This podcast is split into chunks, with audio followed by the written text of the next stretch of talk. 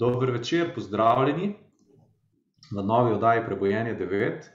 Danes imamo eno ful zanimivo tematiko in sicer terapija, oziroma kako nam lahko terapija pomaga, oziroma kako lahko pridemo do bolj lahkotnih odnosov, do večjega razumevanja v partnerskih odnosih, v družinskih odnosih, v katerih koli odnosih.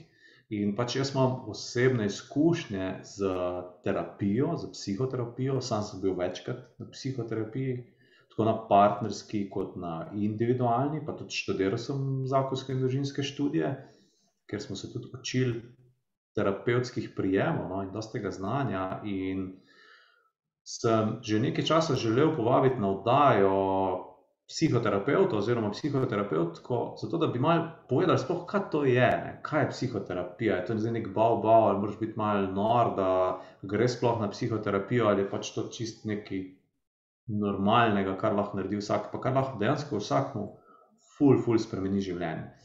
Zato sem povabil Martino, zdravo Martina. Zdravo, dober večer. In uh, takoj, ko sem jo poklical, oziroma sem ji napisal, je rekla: Ja, se ti že spremljam, ja, ful, rada bi prišla. In je bila takoj za, in smo se bolj po telefonu slišali, smo se uštekali, čeprav smo sploh z Martino še nismo nikoli živo videla.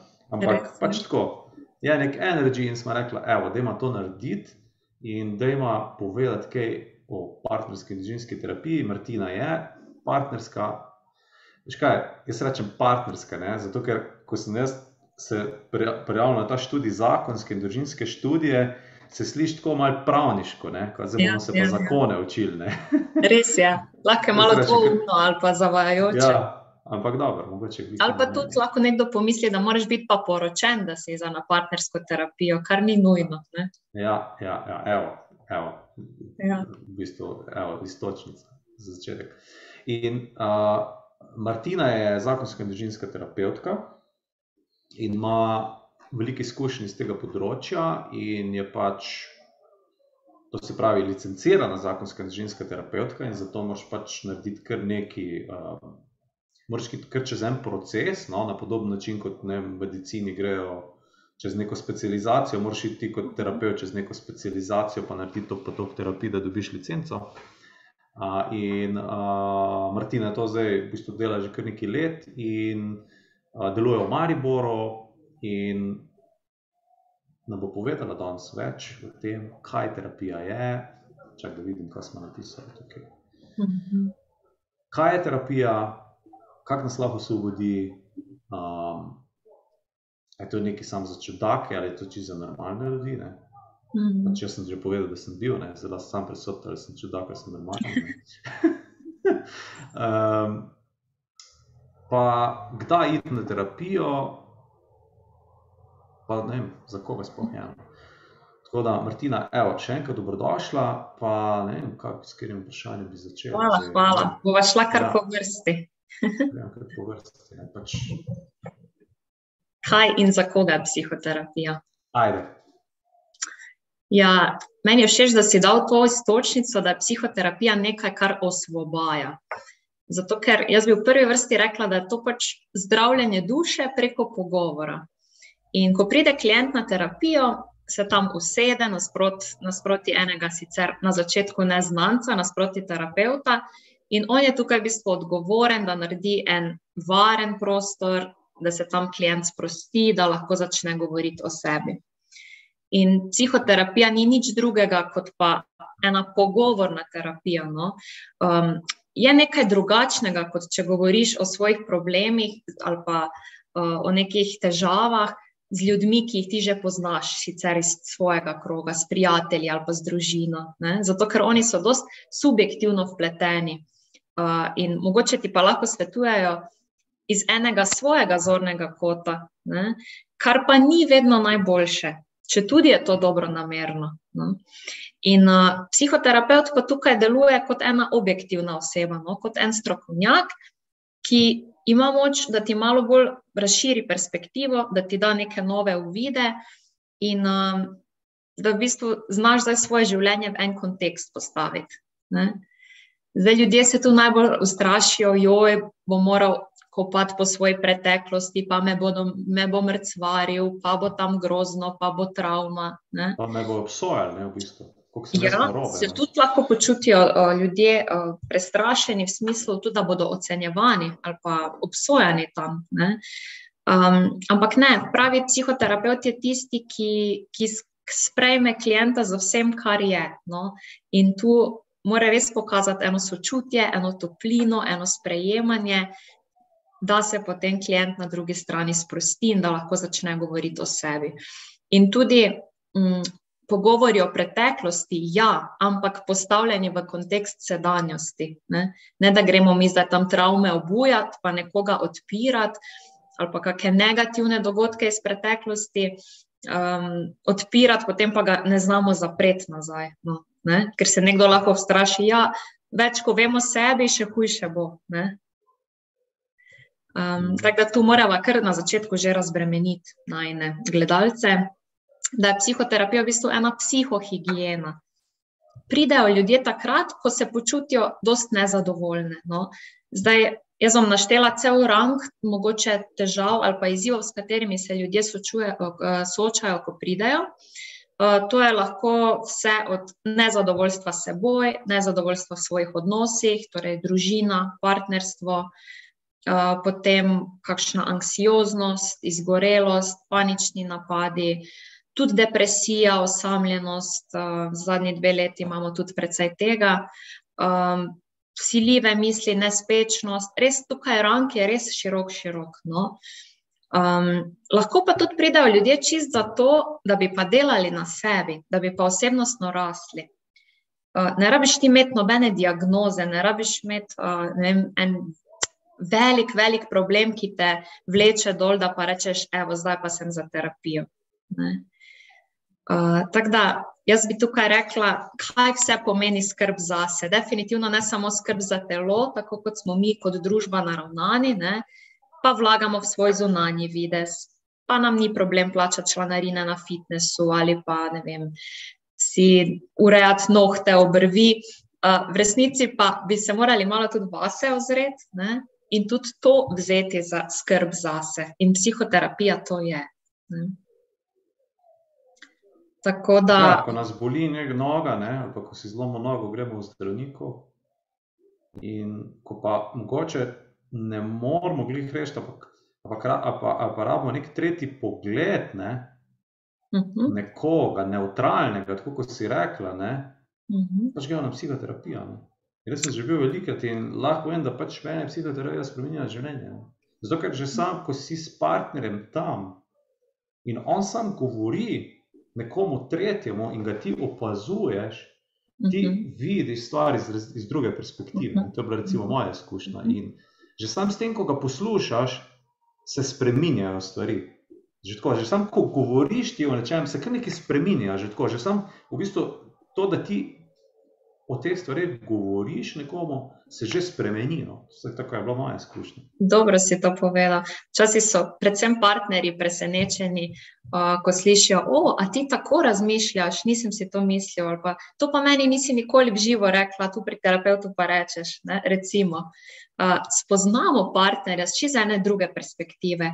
In tu je ta efekt, ki se zgodi, ta magičnost povezovanja.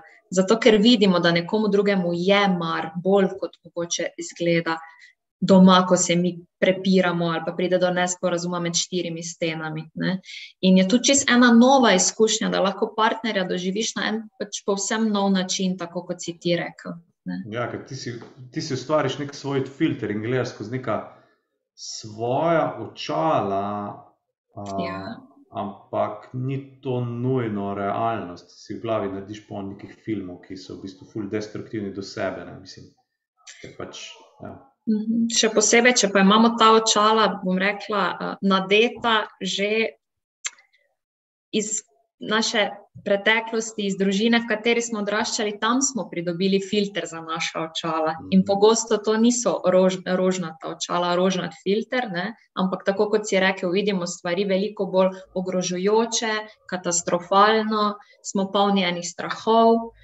In uh, za tem, kar imamo, s to eno čustveno dediščino od doma, potem stopamo v odnose in se tam lahko dost vedemo destruktivno ali pa sebi na škodo, odnosu na škodo. No? In uh, del partnerske terapije je tudi to, no? da partnerja v bistvu tam spoznata neke nove načine komuniciranja, povezovanja. Um, Da se še malo bolj v globino spoznata, no? ker doma včasih prav ni časa za te uh, ali pa ni priložnosti za, za take teme. No? Ja, v bistvu je tako relativno zelo enostavno. Greš tja, pa govoriš. Ja, evo, vidiš. To je zelo enostavno. Greš tja, govoriš in se spremenja. Ja, ja. In še ne, drug, v bistvu, drugi trik ja. je tukaj, ker mi to na glas govorimo. Torej, ne ja. ostajamo tiho, sami s svojimi mislimi in čutenji, ampak pravzaprav, ko ubesedimo, ko zverbaliziramo, uh, takrat se dogaja ta magija v našem telesu, če lahko tako rečem, uh, ker se povezujeta in naš um, in naše telo, in srčni utrip se takrat znižuje, se umirja in v bistvu uh, se vse skupaj integrira kot izkušnja. No? Ja, um, kaj se to reče. Um, ja, in, in, in pač naj namen tukaj danes je pač v bistvu res dati eno tako luč na terapijo kot nekaj, kar v bistvu prvo kot prvo predpostavka, pač vse se da spremeniti. Uh mhm. -huh. In v bistvu večji kot je problem, ali v odnosu, ali v našem življenju, večja je hkrati na drugi strani priložnost za rast. Ne. To je tako, ne, tako ko pač više kot greš, ne, bolj ja. boš mogel doliti. Ne. To je pač tako, nekako nekak stvari, kako bi rekel, pač so neki zakoni. Ne. In večje kot imamo probleme v življenju, v partnerstvu, bolj lahko zraste, bo večji je potencial.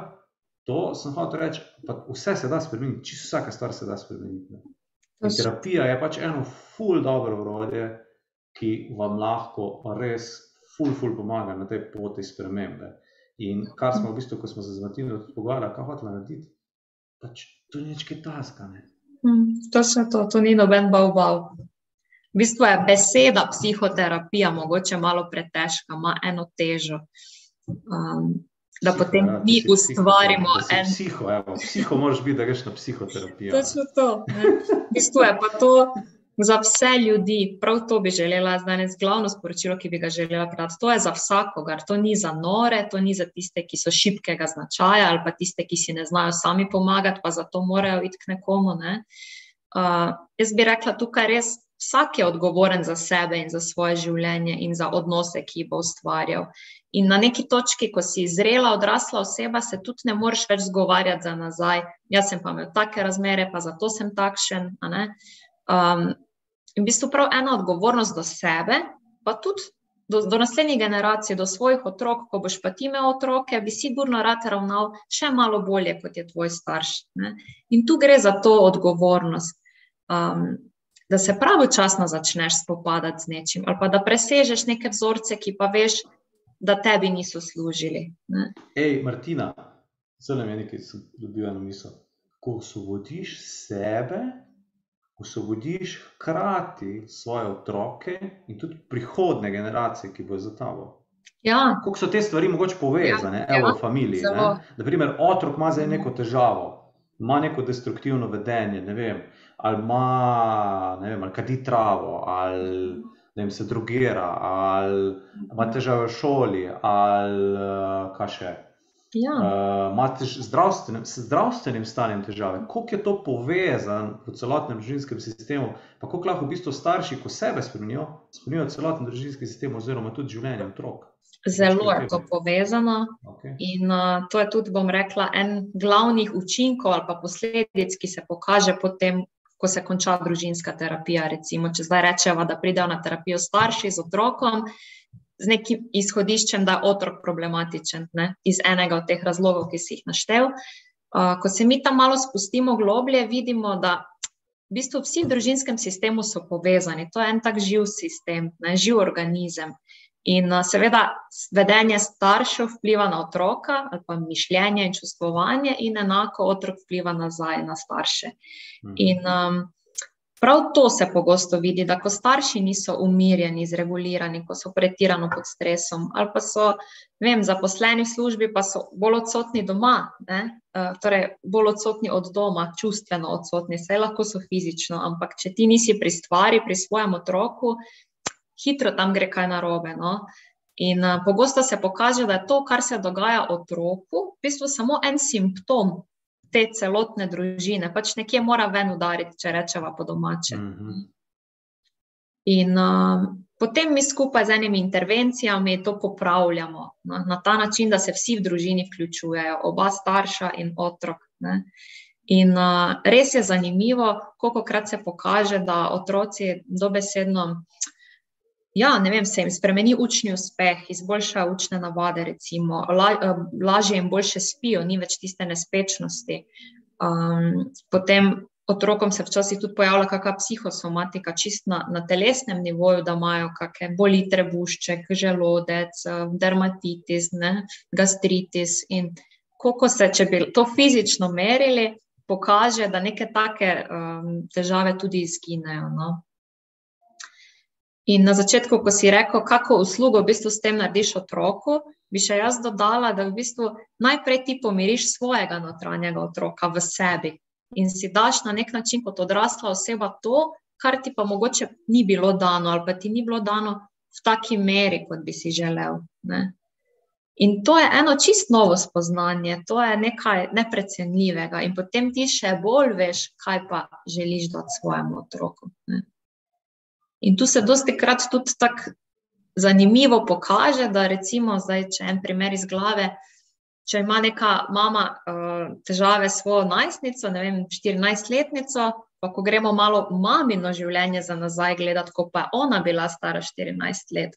Ali pa je ona bila v času najstništva. Pa to so včasih copy-paste zgodbe. Ja, ja, ja. V smislu nekega uh, bom rekla, čustvenega stanja, v katerem se je nahajala, ali pa se je ta mama soočala z nesprejemanjem sebe, um, s pomanjkanjem ljubezni do sebe. Ne? In danes ima hči tudi enake težave, samo podobo. Recimo, in to so ene lahko res zelo lepe zgodbe, kako se tu povežeta potem in starši in otrok, pa še otrok dobi res eno um, tako zadoščenje. No?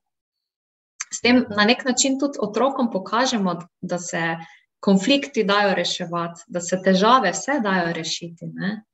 To je tudi eno lepo sporočilo za mlade generacije. Ja, mi imamo v Sloveniji ogromno enih terapeutov. Ko pride do terapije, ne, bom zdaj tudi vam ta link dal, jaz vedno delim en tale link, zdt.si. Čakaj, bom zdaj kar odprl. zdt.si terapeuti in terapevtski centri. Uh mhm. -huh. In tukaj noter so vsi terapeuti in terapevtski centri, ki delajo pač dobro po tej. Pač zakonski in družinski terapeuti v Sloveniji, aha, čakaj, zdaj imamo za to na YouTube. Evo, ja, modalitet v Sloveniji je več. Ti si zdaj dal en register, kjer so zakonski in družinski terapeuti. Najboljši, najboljši. Stažisti. Ja. Mogoče da rečemo, da Ja. sem pristranski, zato ker pač to je, to je da damo malo, uh, mogoče, uh, kredico, ne vem, kako se reče. Uh mhm. -huh. Doktorju, doktorju Gostečniku, no, ki je bil v bistvu začetnik tega, ne, se mnogi od vas ga poznate, tudi že v mnogih oddajah. Tako, uh -huh. uh, on je v bistvu začel s tem, s to svojo relacijsko družinsko terapijo. Relacijska ni nič druga kot izraz za odnos, ne? odnosna družinska terapija, ki temelji na odnosih. Ne? Tako kot je Martina zelo lepo povedala, če ima nekdo problem v družini, je to problem sistema, ne, ne posameznika in delati je treba na celotnem sistemu. In ko spremenimo sistem, se spremeni fulejnih stvari. Uh, in, uh, ja, in pač to so terapeuti po celi Sloveniji, do katerih lahko dostopate, tukaj na tem linku, ko sem vam ga dal. In, ja, in to, je, to je pač ta modaliteta, ki pač jo osebno poznam in lahko osebno zagovarjam, in tudi ti si predstavnica nje. In tudi osebno, iz osebnih izkušenj, vem, kako v bistvu pomaga, kako je učinkovita. Ja, to je terapija, ki, bom rekla, ne deluje samo površinsko na nekem miselnem, uh, veden, uh, kognitivnem nivoju, no, ampak gre tudi v globino, v čustva. Ne? Ker naša telesa so polna enih nezavednih spominov, ki se jih mogoče sploh ne zavedamo, dokler niso tako čist klasične scene. Ne vem, ti otrok mogoče stopi na žul, pa zaupiješ, pa reagiraš ful prekomerno, kot bi recimo sicer, in potem se kar malo strašiš, o, kaj pa zdaj to, odkot je pa zdaj to prišlo. Ne? Ali pa tudi v partnerskem odnosu. In se kar nek trigger sproži, recimo. In takrat mogoče začneš koma razmišljati, zakaj sem pa zdaj tako reagiral, odkot pa meni to, ne? ali pa odkot te neracionalne misli. Um, tako, no, naša telesa si zapomnijo nek, neko vzdušje, neko neizgovorjene besede, izgovorjene besede, uh, veliko prej, kot se mi začnemo zavedati, oziroma to poimenovati. Sploh, mhm. In ta nezavedni spomin bi naj segal, že ko smo mi v trebuhu, dejansko v prenatalnem obdobju. Um, Medtem ko zavedni spomin, ko se ti začneš zavedati, kdaj si stvari zapomniš, je takrat, ko začneš govoriti, ker začneš povezovati. Ne? Recimo, to je kozarec, si zapomniš kozarec. Uh, nezavedni čustveni spomini pa imajo eno veliko globljo, uh, veliko večjo težo. In v bistvu znanstveniki predvidevajo, da celo tudi uh, vsega to uh, že v prvo tromesečje nosečnosti. No? Ko si marsikdo misli, eh, se še sploh ne ve, od, plod še sploh ne ve, da obstaja. No, kako ne rečem. Ne. Ni čisto tak. Ja. ja, v bistvu, če tako zdaj še bolj mogoče pogledamo, uh, še širše, v bistvu vsega, v bistvu že več življenj nazaj.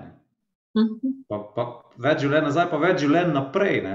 In to, ja, to je prav medgeneracijski prenos. Ja. In to ja. odločitev, ki jo bomo mi danes naredili, ne, zase, ja. pa za naše otroke, vsega v bistvu full generacij naprej. Če pogledamo zdaj čistko iz nekega malo bolj takega ezoteričnega vidika, ne, mm -hmm. kako se stvari v bistvu povezuje z generacijo v generacijo. Ne. In v bistvu, kako mi še zdaj, še vedno predelujemo to, kar se je dogajalo v drugi svetovni vojni. Recimo, ne. Absolutno. Te neke travme uh, se lahko vlečejo tudi pet do sedem generacij vertikalno, dejansko. No. Je bilo tudi to dokazano. Um, jaz bi rekla prav to, da, da je res pogumno, da se nekdo loti, da gre na terapijo. Zato, ker se pa odločiš, bom pa nekaj drugače naredil. Ne, ne bom tista žrtev. Ko je mogoče najlažja pot to biti žrtev, pa si pač reči, sem v Bog. Ne. Ja, pa tudi fulje zanimivo, kako se upiramo, kako se upiramo lahkotnosti. Uh mhm. -huh. Sami seboj, pa v odnosih, pa uh, v našem telesu, zato ker nam je ta, v bistvu, to trpljenje na nek način, kako smo odvisni od tega. Ne? Nam je domače, nam je varno, in mi se raje mučimo in mrcvarimo in trpimo, kot da bi naredili en tak korak. To se veliko krat pokaže, ker nekdo pride na terapijo, res, ko mu že voda v grlo teče, ko je res že kar dokaj pozno. Ali pa pari pridejo včasih tik pred razhodom, ko, ko več niti osnovnega spoštovanja ni ne, med njima. In tam mi potem res težko na novo spostavljamo neko komunikacijo, ker je že zdavnaj več med njima ni. Ne. In Zato bi jaz tukaj položila na srce, ne se bati tega, ne se bati priti, ne se bati poskusiti. Naj, naj gledam, kaj bi bilo, da gledajo ljudje na to, kot da si eno priložnost, da si eno darilo. No, prav to, da si zavestno rečeš, da si pa dam jaz dovoljenje, da poskusim nekaj drugače. Ne? V bistvu ne čakati do zadnjega trenutka. Ne, ja. ne čakati, da. Ja. Uh, To je tudi gostečnik, da rekel. Ne? Ljudje pridejo, pač, ko dovolj boli. Ne? Ko mm. dovolj boli, boš pa šel. Ne? Ampak mm. ne čaka do takrat. Ne? Pejte prej, ne? Pejte prej, ko vidite, da pač neke stvari ne morete rešiti v nosu. Greste na terapijo, vse pač, kaj se lahko zgodi. Ne? Lahko poskusite, greste na eno seanso, greste na eno terapijo, eno uro, ne? poskusite, pa rečete, o, ful, dobro bom nadaljeval, pa rečete, eh, brez veze, to je za mene. Ne? Pač, kaj zgubiš, v eni uri, ne, v bistvu lahko se celotno življenje spremeni, lahko pač reskira za to eno uro. Ne. Mm. A veš, da je Einstein rekel, uh, nesmiselno je delati vse enako, vsak dan enako, vedno znova pa pričakovati druge rezultate. Ne? Tako je tudi v naših življenjih. Če vidiš, da nekaj ne funkcionira, pojdi pa mogoče se odpri za možnost, da še obstaja nekaj, nekaj drugega, nekaj onkraj. Ne? Ja, in tudi tako, ne? na energijskem nivoju, že ko se ti odločiš, da boš naredil spremembo, se začne sprememba dogajati. Ja, si Že zelo podprt, bi Ja, rekel. že sam prisotnost terapeuta te nekako osvobaja. Ne? Ja. Tako je bila moja izkušnja. Recimo, no, Ja. pač, ok, Marti, uh, Martina, um, da vidimo, še imamo. tukaj. Mogoče bi še tu jaz dodala, da veliko krat pridejo na terapijo, zdaj, če so v parih ali pa v družini, s pričakovanjem, da se bo drug zraven spremenil. A veš, da prideš malo mogoče s figo v žepu. Želiš, da se drugi ob tebi spremeni, nisi pa ti toliko pripravljen delati na ozaveščanju ali pa na spremembi, ali pa ti pa nisi toliko pripravljen mogoče poslušati. Ne? On rabi, ja, on rabi. Ja, on rabi, on to mora slišati. Njemu to povejte. Ja, ja, ja, njemu to veš. povete. Ja. Vidiš, jaz imam prav, jaz imam prav, si slišal, kaj je rekla? Ja, ja, ja. In je prav to, no, da se učimo tudi enih uh, pozicij, da se izenačijo, ne? da se slišimo, ne samo poslušamo. In uh, da prideš do te drže, da, da vidiš, da moraš ti pri sebi nekaj spremeniti, pa oseba nasprot tebe, in potem se bosta na pol poti lahko srečale, ko tisti ego odpade. Ja, ja. Pa tudi jaz to vedno opažam, dejansko kakšno moč kreacije imamo mi, ima Mhm, posameznik. Ne. mhm, In se mi zdi, ko ti, ko si priznaš, ok, jaz kreiram ali pa so kreiram, ne, jaz sem kreator. In ko si to priznaš, dobiš moč, da to, kar si skreiral, spremeniš in skreiraš nekaj drugega. Ne. Ja, A veš, jaz sem veliko v odnosu do svoje partnerke, sem tako zvesto.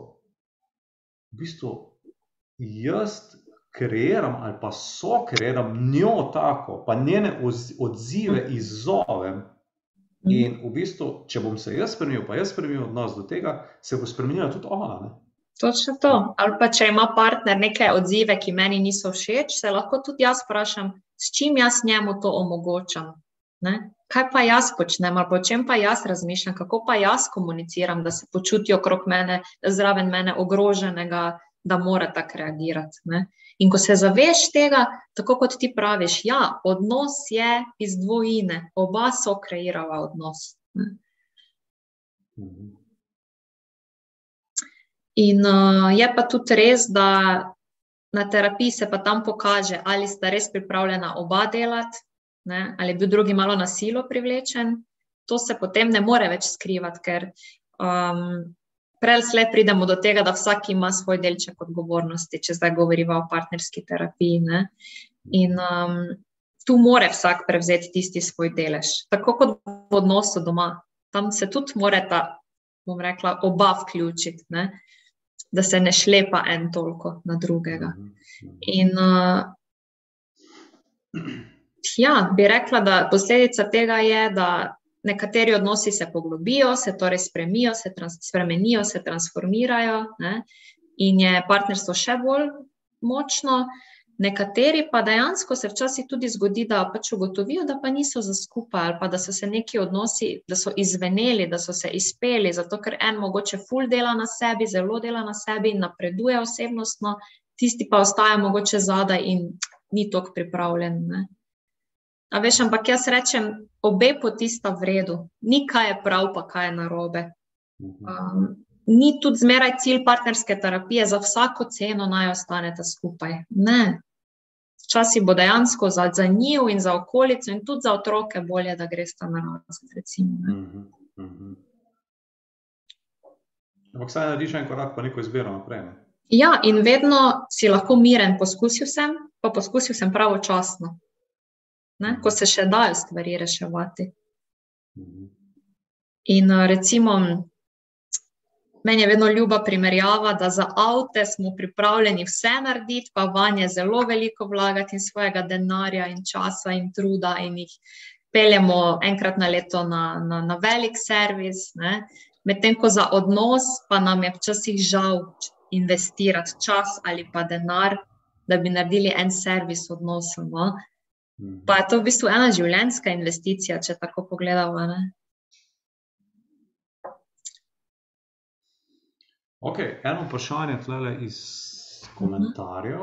V primeru, da partner ni za tak pogovor, ker tega ne potrebuje, kako psihoterapeut lahko potem realno oceni, kje je problem, ker ne sliši obeh strani? Uh mhm. -huh. Malo smo se že dotaknili tega, da, da to, da pridete na terapijo, se le morata oba strinjati, ker to je prostovoljen stop v ta proces. Ne? Zdaj, mogoče, če je drug partner skeptičen ali pa negotov, mi vedno povabimo oba, naj prideta, naj se oba spoznata s terapeutom, s procesom in tudi vidimo, če je neka oboje stranska kemija, če se bo dalo tudi delati in sodelovati. Um, na drugi točki, pa če pa druga oseba res ni pripravljena, pa žal tisti en partner ne more nič narediti na mesto osebe, ki to ni pripravljena, ker ne moreš ga prikrajšati za njegovo izkušnjo, ne moreš ti narediti ta proces na mesto njega. Um, tako da tu je mogoče dobro, da si odzamemo mi odgovornost v smislu, jaz moram zdaj vse reševati. Ne, ne spet je tisto, sta dva.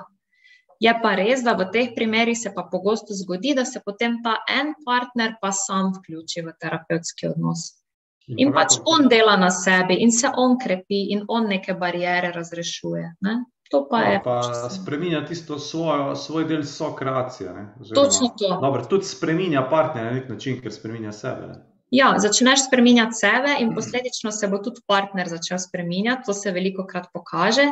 Ker mm. potem pa ti partnerji, ki so skeptični, pa malo začnejo gledati, o, pa kaj pa ti tam počneš, da si zdaj malo drugačna, pa je kar malo bolj zanimiva, mogoče. No? Evo, jaz zdaj govorim za ženske spol, ker ja, pač ja, ja. veliko krat je tako vprašati. Ja. Pogosto okay. je tako, da ženska okay. pride na terapijo sama, ne? potem pa moški mogoče začne dobivati uh, nek interes. Ne?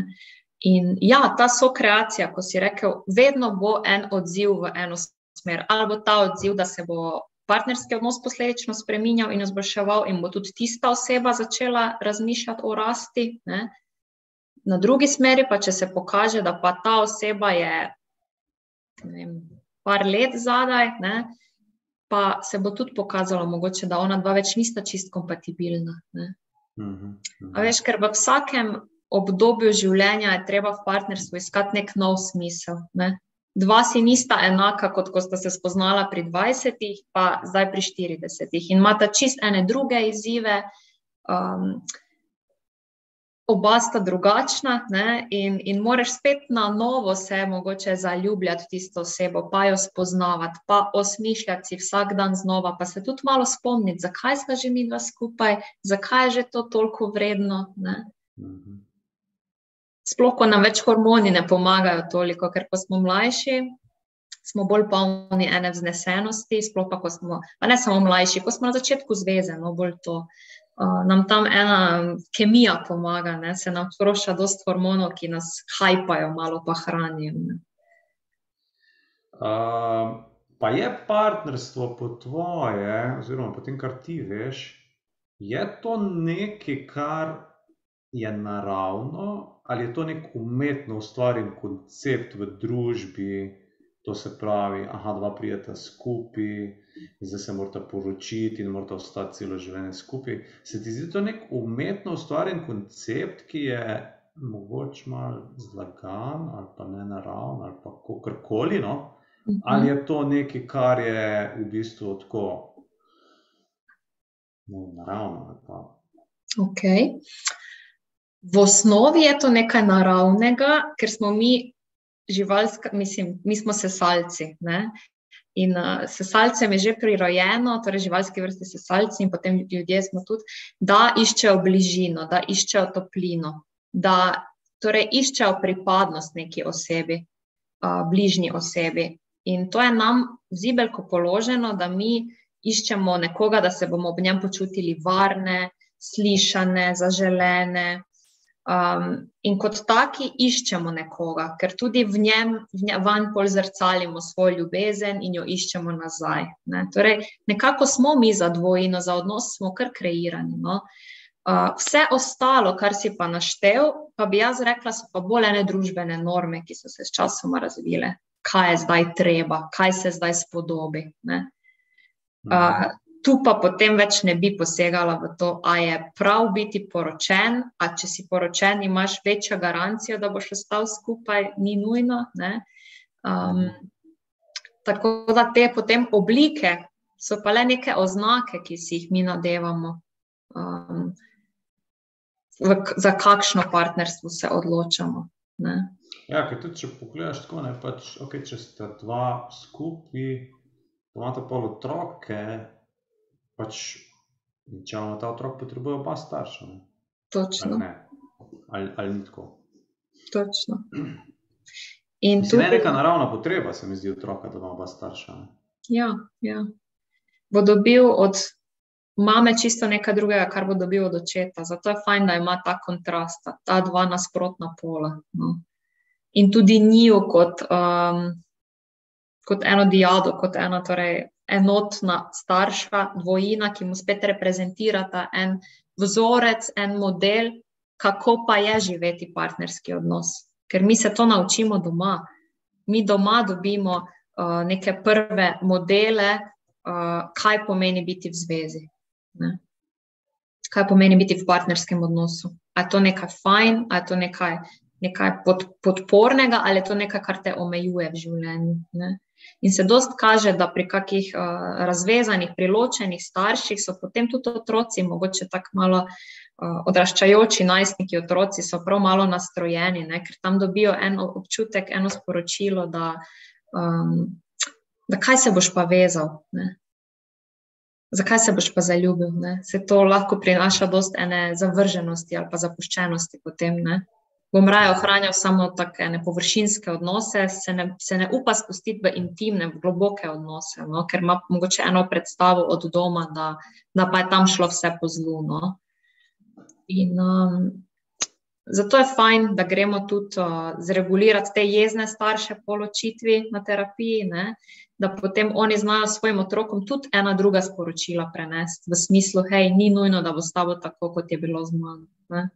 Koliko časa pa moraš hoditi na terapijo, ker imamo tukaj eno vprašanje. Sicer uh -huh. Ana je kar to rekla, vprašala, koliko let je potrebno hoditi uh -huh. na terapijo. Ja, uh, kot rečeno, v Sloveniji je več modalitet in od tega se tudi razlikuje, kakšne te psihoanalize so res daljše. In kot je rekla gospa, dejansko se jih obiskuje par let. Jaz bi tu rekla, da si naj vsak pogleda najprej, kakšen pristop terapevtski mu leži, mu je blizu in se na podlagi tega potem odloči, da si najde terapeuta iz tiste smeri.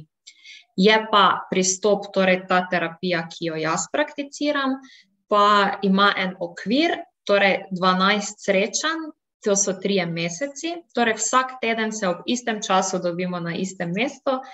Um, in to je en cikel, tromesečni cikel je en cikel, Nekako je mišljeno, da v treh mesecih se nam že malo popredalčkajo stvari, oziroma že dobiš eno širšo sliko, en kontekst, kaj se dogaja. Nikoli pa mi tukaj ne zapremo kar vrat. Zato, ker, zato jaz ne bi rada enoznačno odgovorila, ker čisto odvisno, za kakšne izzive gre, za kakšne težave, koliko daleč to sega. In um, zato se ti cikli lahko ponovijo. No? Lahko gremo potem še v nov cikl. Ne? ali pa včasih si vzamejo klienti predah, pa se oglasijo kdaj kasneje, mogoče. Uh, nikoli ne veš, mogoče rabiš kdaj kasneje, spet eno perspektivo, ali pa si spet na kakem razpotju, pa rabiš, da prideš k nekomu, ki pa te že pozna odprej in ti je spet lažje vstopiti v en proces. Ne. Načeloma pa jaz osebno zagovarjam ta proces ravno za to, to mojo modaliteto, mislim, to, ki jo jaz prakticiram, ker ne dela klienta odvisnega od terapeuta. No, to je pa moje osebno stališče. Če ti hodiš par let nekam na terapijo, se lahko tam že dost sebe zgubiš. In uh, mogoče imaš že pol občutek, za vse moraš vprašati svojega terapeuta. Uh mhm. -huh. Ne znaš se več samo odločiti uh, nekih najlažjih stvari. No. In mi pa tu ravno krepimo uh, to moč posameznika. Ne? Zato tudi terapeuti ne svetujemo, pojdi in naredi to. Ne, terapeuti z vprašanji prebujamo posameznika, da si on pride gor, to je dobro za mene. Ne? Mhm. Ker na koncu mora vsak za sebe znati utemeljiti, zakaj se je tako odločil, pa zakaj on tako čuti. Ne? In to se mi zdi zelo pomembno.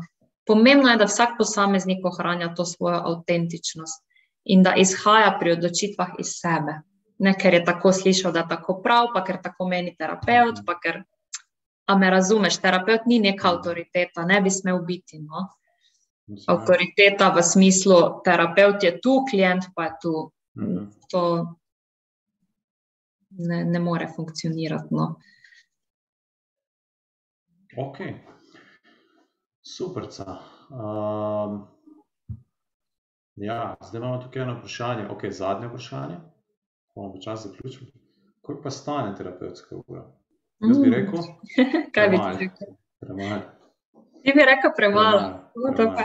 Pač terapevtska ura, ja, pač ti povem, Mm. premalo stane. Da ne Več bo bi mislil, da smo bolj se bolj da moraš to bolj- reči. Bolj bi ljudje, ter- bolj bi ljudje naredili spremembo. Dražja bi bila, bolj bi naredili. Ne, hecam se malo, ampak pač ja, koliko stane ne, terapevtska ura? Ja. Uh, to je še vedno večinoma samoplačniška storitev, zato tudi cene varirajo. Uh, načeloma so zdaj že okrog 50-60 evrov na uro. Um, jaz bi rekla, če gledava ta cikel treh mesecev, to znese na koncu za en dopust. Zdaj, če se odločiš, da želiš neko spremembo, da se želiš premakniti v življenju naprej, da, da imaš bolj kakovostno življenje, se splača. Ne. Investiraš ta denar in čas in trud, in se tudi bolj potrudiš za to spremembo, ker ti ni čisto vse eno. Si ne misliš, da si kar denar skozi okno vrgel, in tudi sam se veliko bolj motiviraš in aktiviraš zraven. No. Um, je pa žal v Sloveniji še zakon o psihoterapevtski dejavnosti še ni sprejet in to se vleče že več kot desetletje. In zato žal ne pridemo do tega, da bi vsi terapeuti lahko ponujali to storitev na, na koncesijo, na, na napotnico. Trenutno to lahko ponujajo samo tisti psihoterapeuti, ki pa so psihiatri v osnovi. No. Ne, zdaj. A smo tu diskriminirani, a nismo, to zdaj ne bomo razpravljali. Meni je predvsem žal, da ljudje nimajo potem toliko a, možnosti izbire, ker si mogoče misli samo, da bo zastojn, bom šel pač k nekomu, s katerim se mogoče sploh ne bo tako ujel. Ne. Meni je to škoda, žal mi je tega, zato ker je to ena taka storitev, v kateri se res mora klient dobro počutiti z osebo nasproti Mhm. sebe. Ne. Pač tako, ja- jaz bi pa rekel, ne, pač vedno imamo izbiro. ne. Čisto vsak ima izbiro. ne. Mhm. Čisto vsak se lahko odloči. Ja, in se odločiš, kam boš zdaj investiral ta denar.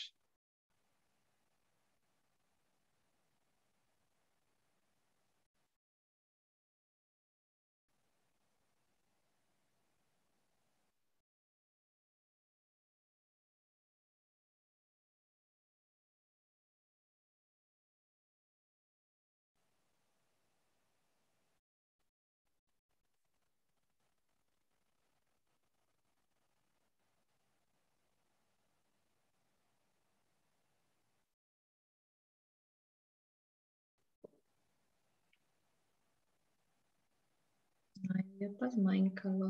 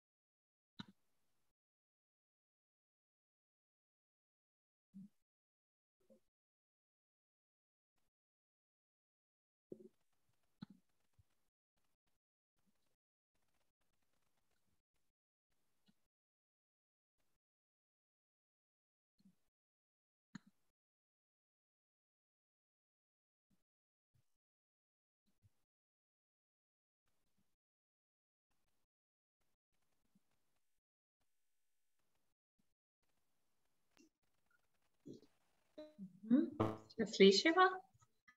Se slišimo. Evo, tako smo nazaj.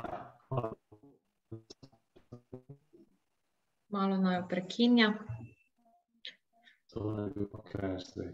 Your connection is installed. To bom. Bomo uredili. Kaj sem da vidim, če smo nazaj live? Meni kaže, da sva. Samo YouTubeu pa ne kaže. Ok. Če disconnected, this way I want to reconnect. Ok, jaz mislim, da bo. Mhm.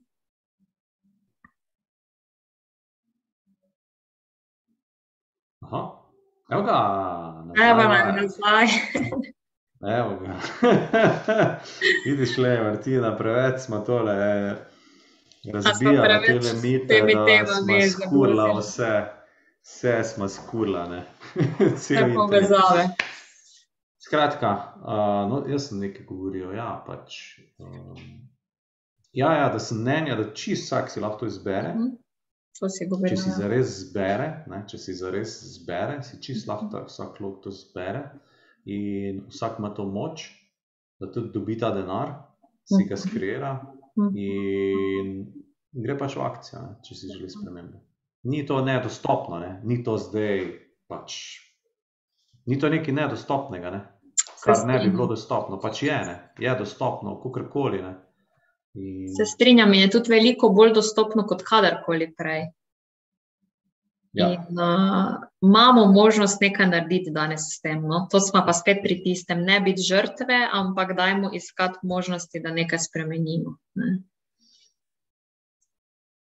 Ja, in tudi, v bistvu, ko ti nekaj plačaš, že takrat se tako fizikalno gledano ti nekaj premakneš. Uh -huh. Zato, ker ti v bistvu porineš energijo nekam, in ko ti porineš energijo nekam, se začne energija obračati. Ne? In denar je pač tudi sama energija. Ne?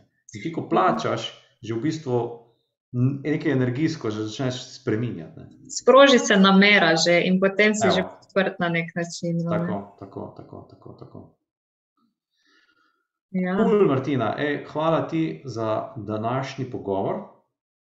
Jaz mislim, da smo razbila kak mit o Mhm. psihoterapiji ali pa o terapiji. No. Meni je mogoče terapija, terapija mi je boljši izraz Ja. psihoterapija. Tako da, um, ja, pač glavno, glavno sporočilo, ki smo ga želeli predati, je, terapija ni nič kaj tazga, ful vam lahko pomaga, ful lahko s tem spremenite. Uh, jaz sem ful spremenil s tem uh, na individualnem in na partnerskem nivoju. Pa nimam zdaj nekih težkih problemov, ne? ampak so pa neki izzivi in pač vedno bi rad bil boljši. In potem pač terapija res en ful, ful, ful dobra zadeva, ki jo priporočam čisto vsem. Link sem vam tako že dal in vam ga bom tudi poslal v mailu, a, kjer so vsi, v bistvu, vsi terapevtski centri, tako da lahko najdete nekje v svoji bližini. Martina, ti deluješ v Mariboru, Delujem pa tudi Ja. online, da. deluješ pa tudi online, cool, ja. no, zdaj je ta pač vedno več ljudi navajenih tudi na to. Ja, ja. Uh, tako da tudi, če bo še kakšno vprašanje, me lahko poiščejo in kontaktirajo in odgovorimo Evo, še komu. Vse imate v bistvu, osebno. ja, kontaktne podatke imate tako v čatu, oziroma ne v čatu, v opisu na Opis. YouTubu. Ja, tako da imate kontaktne podatke. Um, uh, imaš tudi spletno stran, ne, to se pravi Brlog na svetu, kjer v bistvu imate tudi članke, pa si lahko tudi kaj preberete. Koga bo zanimalo več, kdo bi se želel malo več poglobiti, naj te kontaktirajo, naj te kaj vprašajo. Ne. Ja, brlog na svetu.si, tam so Mhm. vse informacije, vsi programi, ki jih izvajam. Nekateri programi so preventivni, drugi kurativni. Tako da prav to bi želela, da se tam najdejo vsi, torej ne samo tisti, ki so že zabredli tako daleč, da jim voda v grlo teče, ampak Mhm. tisti, ki bi radi že danes delali v bistvu na boljših odnosih. No. In v ta namen imam tudi kartice, razno razne za osebnostno rast, kartice za pare, kartice za samske, vikend za pare. In to so prav ti programi, ki spodbujajo, da dajmo že danes narediti nekaj za boljše odnose. Kakšne kartice so to? Aha, ne veš. Ne, Ja. Ja, to so v bistvu terapevtsko vrednotene kartice. Torej, uh, evo, zdaj pa nimam tu, da bi jih pokazala. Um, imamo kartice za pare, kjer pari lahko delajo na svojem, na svojem partnerskem odnosu na način, da moški dobi svojo škatlico s karticami in tako tudi ženska. In tudi tu je ta princip, vsak je odgovoren za svoj del odnosa. Mhm. In noter je 52 kartic, kar znese 52 tednov, to je eno celo leto. In mhm. različne teme so notri. Nekatere kartice so z izzivi, za partnerski odnos, druge so pa čisto ene tematike, uh, ki je fajn, da jih vsak od njih predela. Nekatere so pa tudi specifično za ženske, ene pa specifično za moške, ker smo si mi med seboj drugačni in se včasih malo teže razumemo. In to zgleda tako, da pač en teden se ukvarjaš z eno temo, recimo, In zadaj imaš pa ovrednoteno terapevtsko vsebino, kjer torej piše, zakaj je to dobro, da o tem razmišljaš, na kak način se lahko partnerju približaš, kaj lahko narediš za njega. In to so eni taki povezovalci v odnosu. No? Uh, prav to, da vsak naredi svoje. To ona dva debatirata pa o vsaki posamezni kartici, ne, ni nujno. Ni nujno, zato ker je tako narejeno, da, veš, da ne bi potem ali ženska ali pa moški bil v pričakovanju, da to je zdaj naredila, ker ima kartico. A veš, mhm, mhm, mhm. ni nujno, da veste, ni nujno, da si poveste. Včasih je pač partner povabljen, da kaj podeli z drugim uh, na razno razne načine, da kaj napiše, pove, izdela, kakorkoli. Ponekod uh -huh. pa si ti čist sam s tisto vsebino, ker ravno tu je ta catch, ne, da nekatere stvari pa moš ti sam zase najprej predelati, da potem uh -huh. lahko zaživijo v odnosu. Uh -huh. In na enak način pa imam potem tudi kartice za samske, to pa je v bistvu za samske osebe, ki si želijo dati sebi še eno priložnost in odpreti srce malo bolj. In tukaj zdaj ne mislim nujno priložnost za nov partnerski odnos, ker imamo tudi samske osebe, ki rečejo, da so srečno samske, ampak bi pa želele malo bolj biti odprte, mogoče ne toliko v krču, pa ne toliko zagrenjene, ker saj veš, če imaš kakšne neprijetne partnerske izkušnje iz preteklosti, se včasih lahko malo zakrčiš. Mhm. In uh, temeljijo na istem principu, tudi eno leto dela na sebi, uh, preko takih kartic. No, um, ki so pa tudi uh, pri samskih, pa smo naredili tudi tako, da smo vključili kakšne meditacije iz YouTube kanala Brlog na svetu, tako da tudi na ta način samske osebe potem delajo na sebi. Mhm, mhm. Pa to si ti razvila? Oziroma, Samske sem sama razvila, partnerske pa sem razvila za kolegico terapeutko, s katero skupaj vodiva vikende za pare in imamo te kartice skupaj. Tisto pa najdejo najni poslušalci na strani www.zaljubezen.si. Uh -huh, uh -huh, uh -huh. Zanimivo. Ja, tako. Ja. Ja, zanimivo, nisem se slišal. Ok, Martina, najlepša ti hvala. Evo, uh, to je to, Evo, na en čas se bliža čas koncu. Uh, hvala tudi vsem poslušalcem, ki ste naj poslušali. Hvala za vsa vprašanja. Mislim, da smo kar večino odgovorili. Hvala za povabilo, z veseljem še kdaj in sem vesela, da kreiramo skupaj boljše odnose v Sloveniji. No, tako bom rekla. Kul, cool, super. Možnosti so, uh, možnosti je veliko. Ja. Odločitev je pa na vas, da zberete in da vidite v akcijo. Ne, pač, ja. Pa ne rabi biti to zdaj zakompliciran, pa ne rabi biti to ful težko. Lahko je včasih zelo lahkotno, pa zelo enostavno. Tako kot smo na začetku rekli, priješ pa se pogovarjaš, pa se spremenja. Ne. Že s svojim namenom ogromno narediš. Točno tako. Tako da, ok, noč, lepo bote, pa se vidimo v naslednji oddaji. Če kako vprašanje, veste, kje najdete Martino. In to je to, lepo bote in lep večer. Hvala, lep večer.